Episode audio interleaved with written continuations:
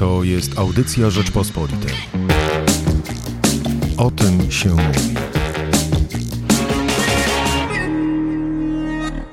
Michał Płociński, zapraszam. Porozmawiamy dzisiaj o ratowaniu klimatu. Czy da się to zrobić poprzez sądy i dlaczego młodzi aktywiści uważają, że trzeba robić to e, jak najbardziej radykalnie, jak najszybciej i czy w ogóle tak uważają, bo może, może nie. E, wyjaśni nam mm, to wszystko Maja e, Ozbajoglu, aktywistka klimatyczna. Cześć Maja.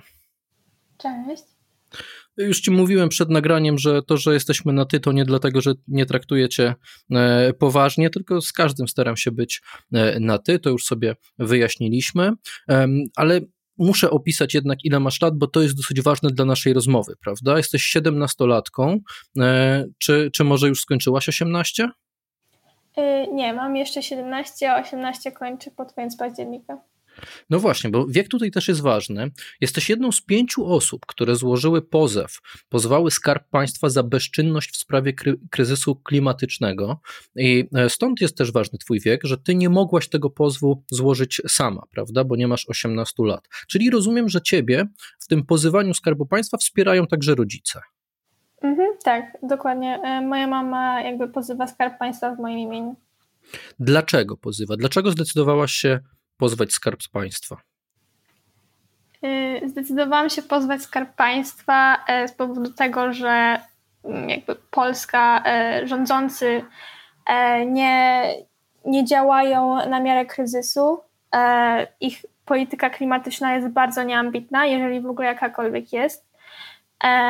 I nasze cele obecne nie są zgodne z porozumieniem paryskim. Nie nie zobowiązujemy się do tych celów, nie wypełniamy naszego obowiązku, e, jaki mamy wobec społeczności globalnej, e, jeżeli wziąć pod uwagę też nasze historyczne emisje i skład w kryzys klimatyczny. E, I po prostu, moim zdaniem, rządzący ignorują ten problem, uważają, że to jest problem, który nie wiem, można rozwiązać za kilkanaście lat i nie stanowi tak wielkiego zagrożenia, a mimo tego właśnie swoim brakiem działań E, skazuje społeczność globalną, społeczność lokalną, jak i również mnie e, na życie w niestabilnych warunkach klimatycznych i ostatecznie no, życie pozbawione um, jakichś takich walorów też, um, nie wiem, jakby szczęścia, e, jakby korzystania z walorów środowiska naturalnego, życia bez stresu, bez martwienia się o dach nad głową. Um, I i tak, po prostu życia w stabilności. I czego ty byś oczekiwała od rządzących, że w jaki sposób będą do tych wyzwań podchodzić? Y, my w, jakby pozywając Skarb Państwa, e, te, te pięć osób, e, domagamy się konkretnych celów, które, e, które zostały opracowane przez, przez organizacje, które pomagały Client Earth w, jakby w tym procesie. I są to cele e, jakby naukowe, wyliczone na podstawie budżetu węglowego Polski i jakby emisji przypadających jakby na Polskę i co by było sprawiedliwe. E, jest to osiągnięcie neutralności klimatycznej do 2043, e, ograniczenie emisji, redukcja emisji dwutlenku węgla o co najmniej 60% do 2030 oraz nieprzekraczanie budżetu węglowego jaki nam pozostał e, jako Polsce w światowych emisjach. Jak teraz to mm, będzie wyglądało? Mm, wyjaśnij mi. Sąd będzie musiał, mm, nie wiem, wyważyć e, te prawdy, racje obu stron, stwierdzić, kto ma, e, kto ma tutaj rację pod względem tego, co Polska może zrobić, nie może zrobić, czy co tak właściwie będzie sąd oceniał w tak no, jednak specyficznej sprawie? Mhm. E, no, należy tutaj podkreślić, że to, są, to nie jest pozew zbiorowy, tylko to są pozwy e, jakby indywidualne. E, I jakby w tym pozwie próbuje jakby udowodnić to, że to jakby te pięć osób próbuje udowodnić to, że to my jesteśmy poszkodowani przez brak działania rządzących. Więc sąd może uznać to, że faktycznie na przykład jestem poszkodowana i powinien e, mi uznać e, i, jakby rząd pozbawia mi praw praw osobistych dotyczących życia, zdrowia, właśnie życia w stabilnym klimacie, prawo do jakby prawo do podążania swoją ścieżką, jeśli chodzi o zainteresowania i tak dalej, jakby to wszystko jest w prawie i, i my powołujemy się na dobra osobiste um, i, i próbujemy dowieść tego właśnie, że te dobra osobiste poprzez brak działań um, rządzących są, um, są nam pozbawiane. A tak właściwie to co ty czujesz, że czego ty jesteś pozbawiana? Jak to najlepiej wyjaśnić? Nie wiem, jednym słowem, jednym zdaniem. Mm, ty masz poczucie, że co złego się dzieje, jeżeli chodzi o ciebie osobiście? Mhm. E, jakby, no, abstrahując od tych skutków, które mogą mnie w przyszłości dotknąć, e, no to ja się tym psychicznie bardzo przejmuję. E, jakby nie ma dnia, w którym nie myślę o kryzysie klimatycznym. E, kosztuje mnie to mnóstwo energii, bardzo też jakby emocjonalnie do tego podchodzę, więc myślę, że przede wszystkim rząd jakby swoim brakiem działań pozbawia mnie takiego spokoju, też jakby takiego jakby też można by powiedzieć trochę młodości i życia pełnią właśnie życia. Nie wiem, no na przykład to, że rządzący E, nie, nie działają na miarę kryzysu, sprawia też, że nie wiem, ja jako jednostka też czuję się odpowiedzialna e, za to, co robi Polska i, i też jako ja próbuję wprowadzić zmiany gdziekolwiek się da, więc no, cały swój wolny czas praktycznie poświęcam aktywizmowi um, i, i zamiast wybrać się, nie wiem, e, z grupką znajomych do kina, no to idziemy organizować jakieś strajki, czy, czy, czy jakkolwiek in, robić inne akcje. Um, więc jakby czuję, że całą sobą jestem w tym temacie, e, co mnie też jakby kosztuje. no, w przyszłości e, wiemy, że będzie o wiele gorzej. Polska nie odczuwa jeszcze aż tak drastycznych skutków kryzysu klimatycznego, e, jak na przykład inne regiony na świecie, w globalnym południu. ale to nie znaczy, że na przykład że w ogóle nie odczuwamy tych skutków. No, powołują się na to na przykład inni pozywający, inne pozywające osoby, e, na przykład na brak wody w pobliskim jeziorze, czy, e, i, czy jakichś jakby innych namacalnych skutków kryzysu klimatycznego w Polsce. E, a ja właśnie mm, e, ja właśnie żyjąc bardziej w mieście, dotykają mnie też jakby z powodu tego, że E, że żyję w mieście, w mieście, który jest jakby dość jakby stosunkowo duży i też jest właśnie dużo dróg, asfaltu, betonu i to jakby sprawia, że są takie miasta jakby pompy ciepła, że tak powiem, jest jeszcze gorącej niż, niż zazwyczaj i na przykład odczuwam to teraz mm, podczas tych upałów. Ale mówię, to nie są jeszcze, jeszcze takie skutki, które które sprawiają, że nie mogę normalnie żyć. E, bardziej są to skutki psychiczne, ale bardziej się też odwołujemy do tego, że jeżeli rządzący nie zaczną działać już teraz, to po prostu e, w niedalekiej przyszłości będzie, będzie znacznie gorzej. Rozumiem, że ty mieszkasz w Toruniu, tak? Tak, mieszkam w Toruniu. I chodzisz tam do liceum ogólnokształcącego, tak? Mhm.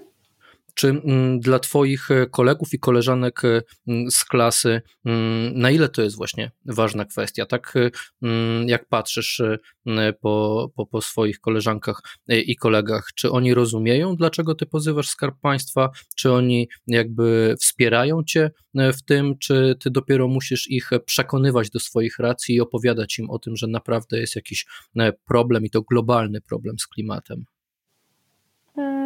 To znaczy, mało osób, jakby moim zdaniem moja klasa zdaje sobie sprawę z tego, że jest taki problem, ale właśnie uważa to za jakiś problem. W sensie mówię ogólnikowo, bo oczywiście są osoby, które podchodzą do tego zupełnie inaczej. Um, ale ogólnie uważam, że po prostu uważają, że to jest problem wśród innych problemów um, i, i że jakby nie jest to aż tak um, jakby duży, y, duże wyzwanie, duże zagrożenie dla nas i, i nie uświadamiają sobie y, tego, że to jest jakby największe y, zagrożenie, jakie stoi przed ludzkością. No i może popierają moje działania, może nie.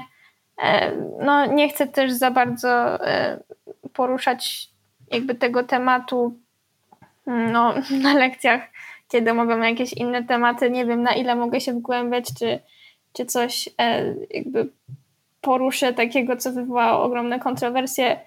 Po prostu trochę rozdzielam swój aktywizm od szkoły, prawdę mówiąc.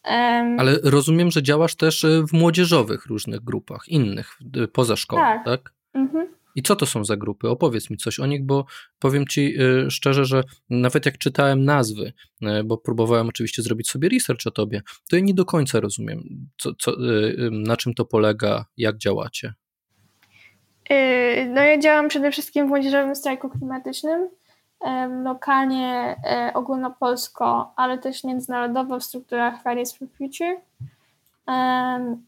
I, i Ostatnio też zaangażowałam się w działania, e, działania tureckie, bo mam też korzenie, korzenie tureckie i umiem jakby mówić biegle po tym języku. Ale właśnie głównie e, skupiam się na działaniach lokalnych i ogólnopolskich. Mm, I te nasze działania polegają na tym, że na przykład jak są jakieś międzynarodowe mobilizacje, no to w Polsce też się odbywają i to polega na tym, że E, w bardzo wielu państwach na świecie, tam gdzie są właśnie działające struktury Fridays for Future, aktywiści jednego dnia na całym świecie wychodzą na ulicę i domagają się tego samego celu. E, Co to jest za organizacja e, Fridays for Future? Fridays for Future to jest oddolny ruch, który też jakby zainicjowała Greta Thunberg. To jest jakby młodzieżowy strajk klimatyczny to jest to samo, tylko że spolszczona wersja. Okej, okay. rozumiem. A Greta Thunberg, y, ważną dla ciebie jest osobą? E, no, na pewno.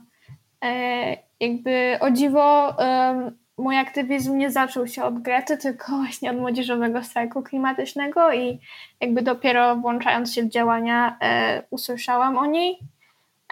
I od tego czasu na pewno jest dla mnie dużą inspiracją i bardzo podziwiam jakby też wystąpienia i słowa i podejście do, do tego wszystkiego.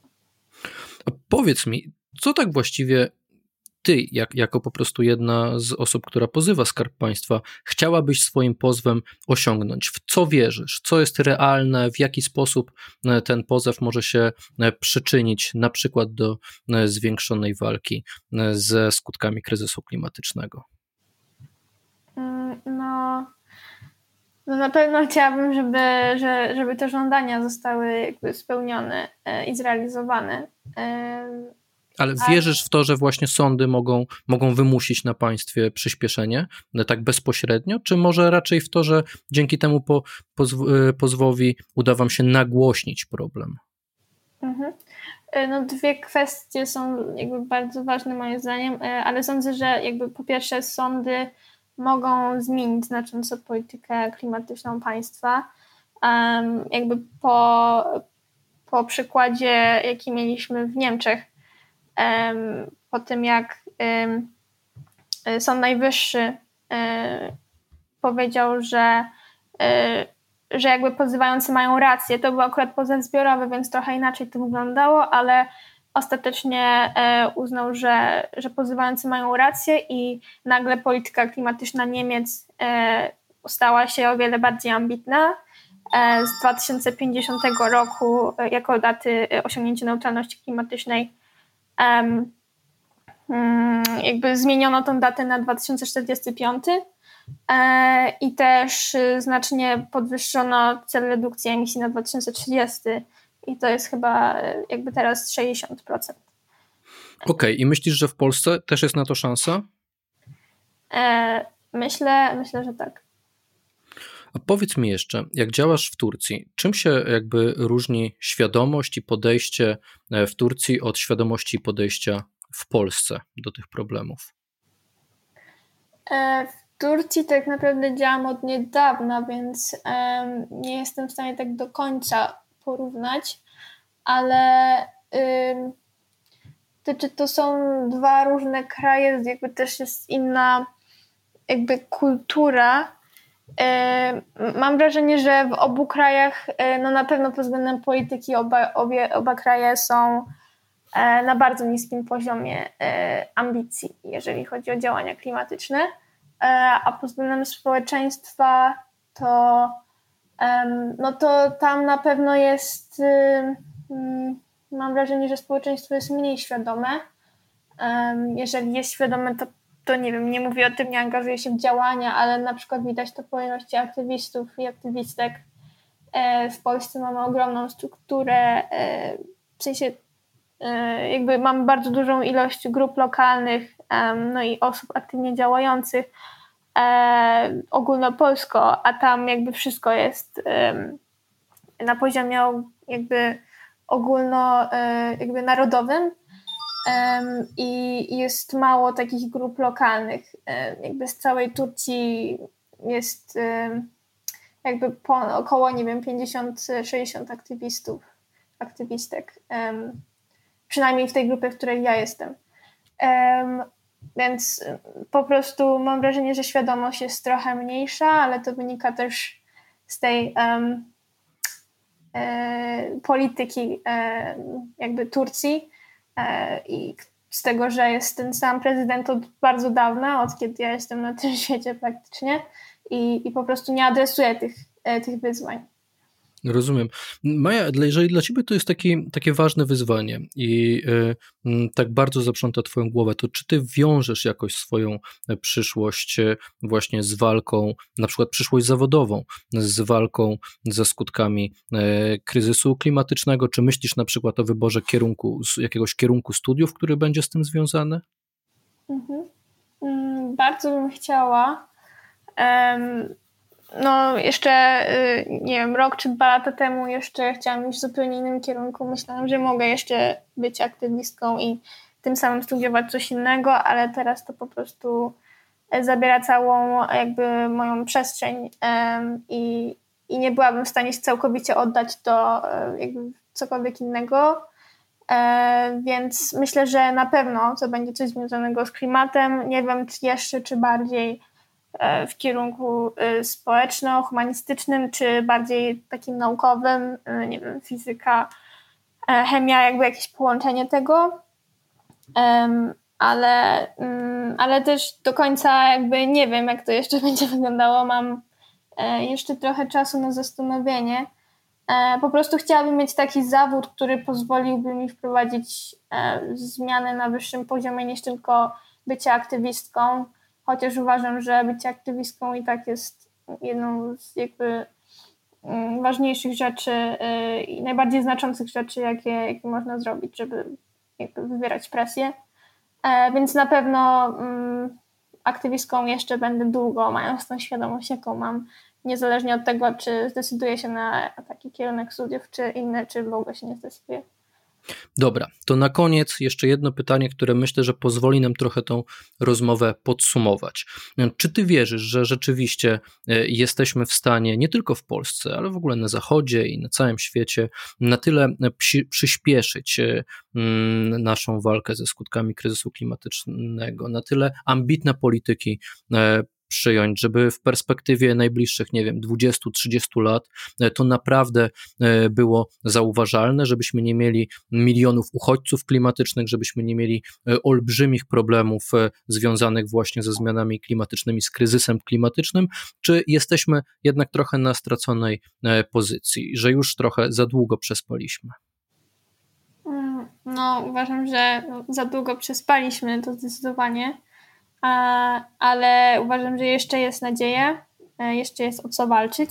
E, I ten czy problem polega na tym, że, e, że jakby brakuje po prostu siły, chęci politycznej, bo jakby wszystkie rozwiązania, może nie wszystkie, ale większość rozwiązań technologicznych, naukowych mamy, jakby już mamy, są dostępne, można je też rozwijać, E, to jest po prostu kwestia odpowiednich inwestycji, odpowiednich e, priorytetów i, i to da się zrobić, e, ale jakby trzeba, trzeba o tym myśleć, trzeba działać jak najszybciej.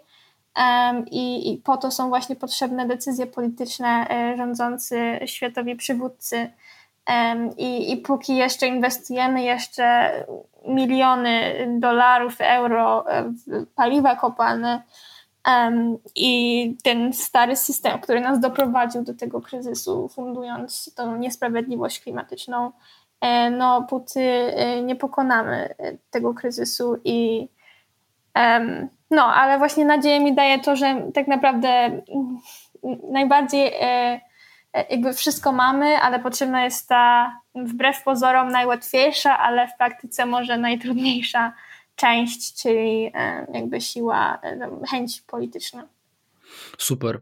Maju, bardzo Ci dziękuję, że zaspokoiłaś moją ciekawość, że odpowiedziałaś na wszystkie pytania. Moją gościnią była Maja Ozbajoglu, aktywistka klimatyczna. Bardzo Ci dziękuję. Dziękuję bardzo za zaproszenie. Słuchaj więcej na stronie podcasty.rp.pl. Szukaj Rzeczpospolita Audycje w serwisach streamingowych.